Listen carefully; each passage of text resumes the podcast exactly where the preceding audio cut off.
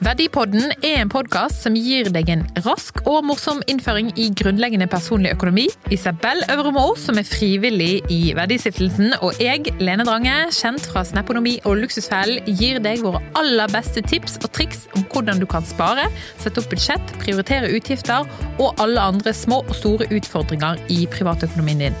Og det kan jo ofte være ord og uttrykk som du syns er vanskelig, for det er brutto, det er netto, det er skattekort, det er alt inn, det er alt mulig slags greier. Så derfor har vi på nettsiden laget en oversikt, altså nesten en ordbok, sånn at du ikke skal sitte og tenke hm, hva betyr det? Men da er vi klar for første episode. Penger inn. Penger inn er alltid kjekt. Ja, det er jo den gøyeste delen av privatøkonomien. Det er jo det. Men først så tenkte jeg kanskje du kunne si litt om hva er egentlig verdistiftelsen din?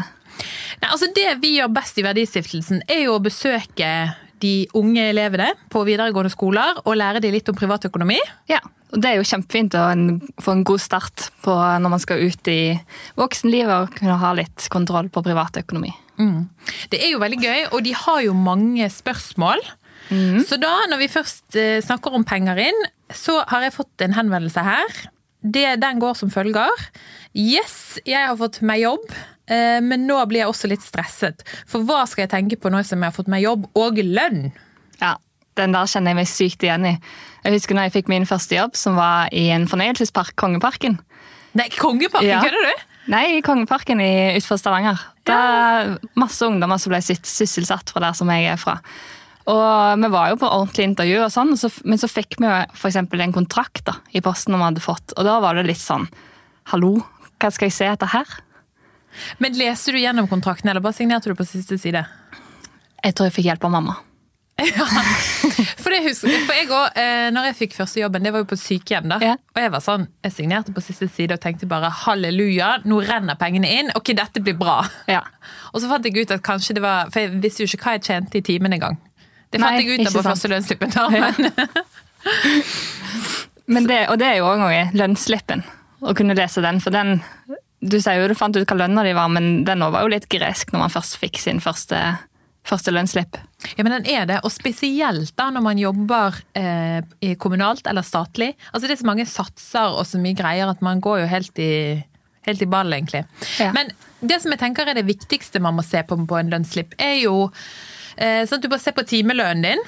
Mm. Eh, den er jo kanskje la oss si 150 kroner, da. Sant? Og så ganges den opp med antall timer du jobber.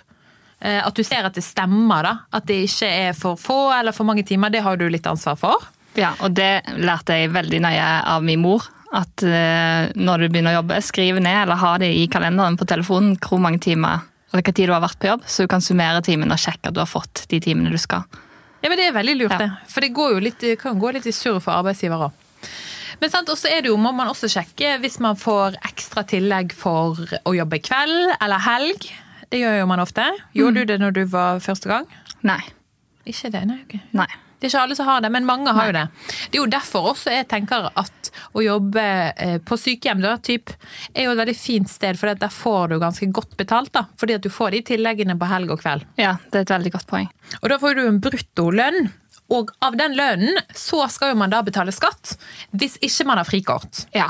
Nå i 2021 så er jo grensen for frikortet 60 000 kroner, men den justeres jo årlig.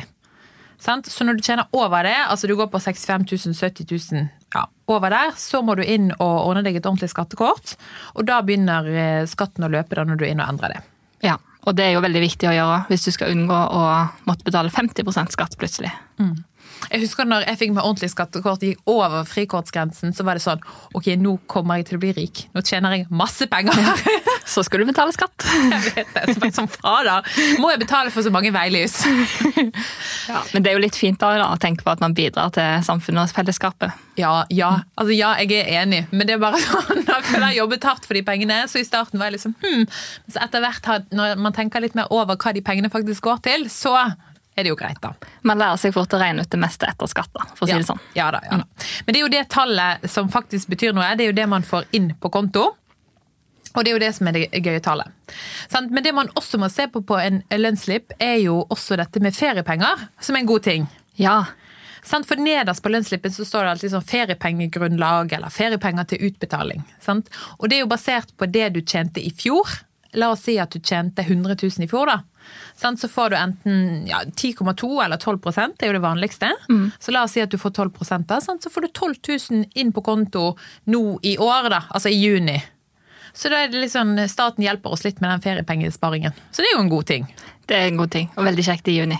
Det husker jeg også kom litt brått på som første eh, Eller det var vel andre året man jobbet når man fikk de feriepengene. Så var det sånn wow! nå Ja. Trodde nesten de hadde gjort feil på regnskapskontoret, men det var rett. Ja. Plutselig kunne du dra til Kreta. Ja, sant? Det, det trenger man kanskje man nå, men ja. Nei. Men eh, du, det er jo flere dokumenter man trenger. eh, I tillegg til lønnsslippen. Det er jo spesielt for unge, er jo arbeidskontrakten. som vi Ja. om i sted. ja. Og arbeidskontrakten som vi var inne på, den kan jo fort inneholde mange ting som du Det er veldig lett og fristende å bare hoppe over. Men det er spesielt noen ting som man bør være litt obs på når man leser gjennom. Og det er jo, som du sa, da, eh, kjekt å vite timelønnen si. Eh, og så er det òg viktig at den eh, arbeidskontrakten har at det står hvem det er som ansetter deg, og hva er stillingen din faktisk. Og hva er det for, som er forventa i den stillingen. Altså en beskrivelse av stillingen. Eh, og hvis dette er en jobb som du har tenkt å ha i noen år, så er det også veldig fint å se om det står noe om hvordan, eh, tid du får en lønnsøkning, og hvordan lønna justeres. Og hvis ikke det står, så spør gjerne om det. Hva man kan forvente framover. Og en annen viktig ting som er greit å ha, særlig hvis du er enten student, og kanskje, kanskje blir du plutselig å flytte, det er å se litt på hva er oppsigelsestid. Altså når du sier opp en jobb, hvor, hvor lenge er det du er pliktig til å bli i den jobben? For det vet jeg i hvert fall eh, at jeg har hørt eksempler på at folk ble litt overraska over at eh, oi, jeg hadde tre måneder oppsigelsestid, og jeg har tenkt å plutselig flytte til sommeren, jeg. Ja, det er veldig sant. Men altså dette med eh, lønnsforhandlinger. Jeg har aldri hatt i min arbeidskontrakt det med hvordan du siger i lønn, annet enn med liksom den vanlige lønnsøkningen man får. da. Men syns du det har vært kleint å forhandle høyere lønn? Jeg har ikke syntes at det har vært kleint å gjort på mail. Men det, er, men det er litt tungt hvis du skal møte folk face to face. Det er det. Men det spørs helt på hva man har å slå i bordet med, syns jeg. Fordi um, sånn som en av mine første jobber som var i en type butikk. Der hadde jeg plutselig, Det var en stor kjede, og så fikk jeg jobbe litt eh, der i Bergen når jeg studerte. Og så når jeg var hjemme i sommeren, så fikk jeg jobbe uh, i Sandnes. Og, og da begynner man å snakke med folk, og så finner man plutselig ut hva andre har i lønn. Og hvis du da kan, gå, t- kan sende en mail og slå i bordet med at nå har jeg snakka med den og den som har jobba kortere enn meg, er yngre enn meg, har høyere timelønn, så har jeg syntes at det har vært ikke noe problem i det hele tatt. Men akkurat det der tenker jeg er et kjempegodt tips, faktisk.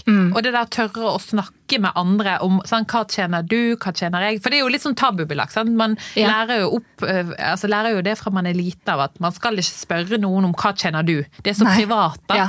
Men samtidig så er det godt betalt, da, hvis man kan si det sånn, å høre om hva faktisk andre i lignende stillinger tjener. Ja, absolutt. I hvert fall hvis det, hvis det er i din favør. Men òg mm. hvis det er i andre sin favør, så er det jo bare rettferdig. Altså, Det er ingen som kommer til å sette deg ned i lønn. Nei, da, men da ville jeg holdt det litt sånn hemmelig òg. Ja, men det er bra. Men det er jo eh, de to viktigste tingene man må huske på når man får seg jobb. Det er jo, eh, sant? Du må kunne lønnsslippen, du må ha kontroll på skattekortet eller frikortet, og så er det jo arbeidskontrakten. De tre tingene må du ha kontroll på, eh, og når du har kontroll på de, så er det bare å jobbe på og la pengene bare renne inn. Så kan man kose seg med de.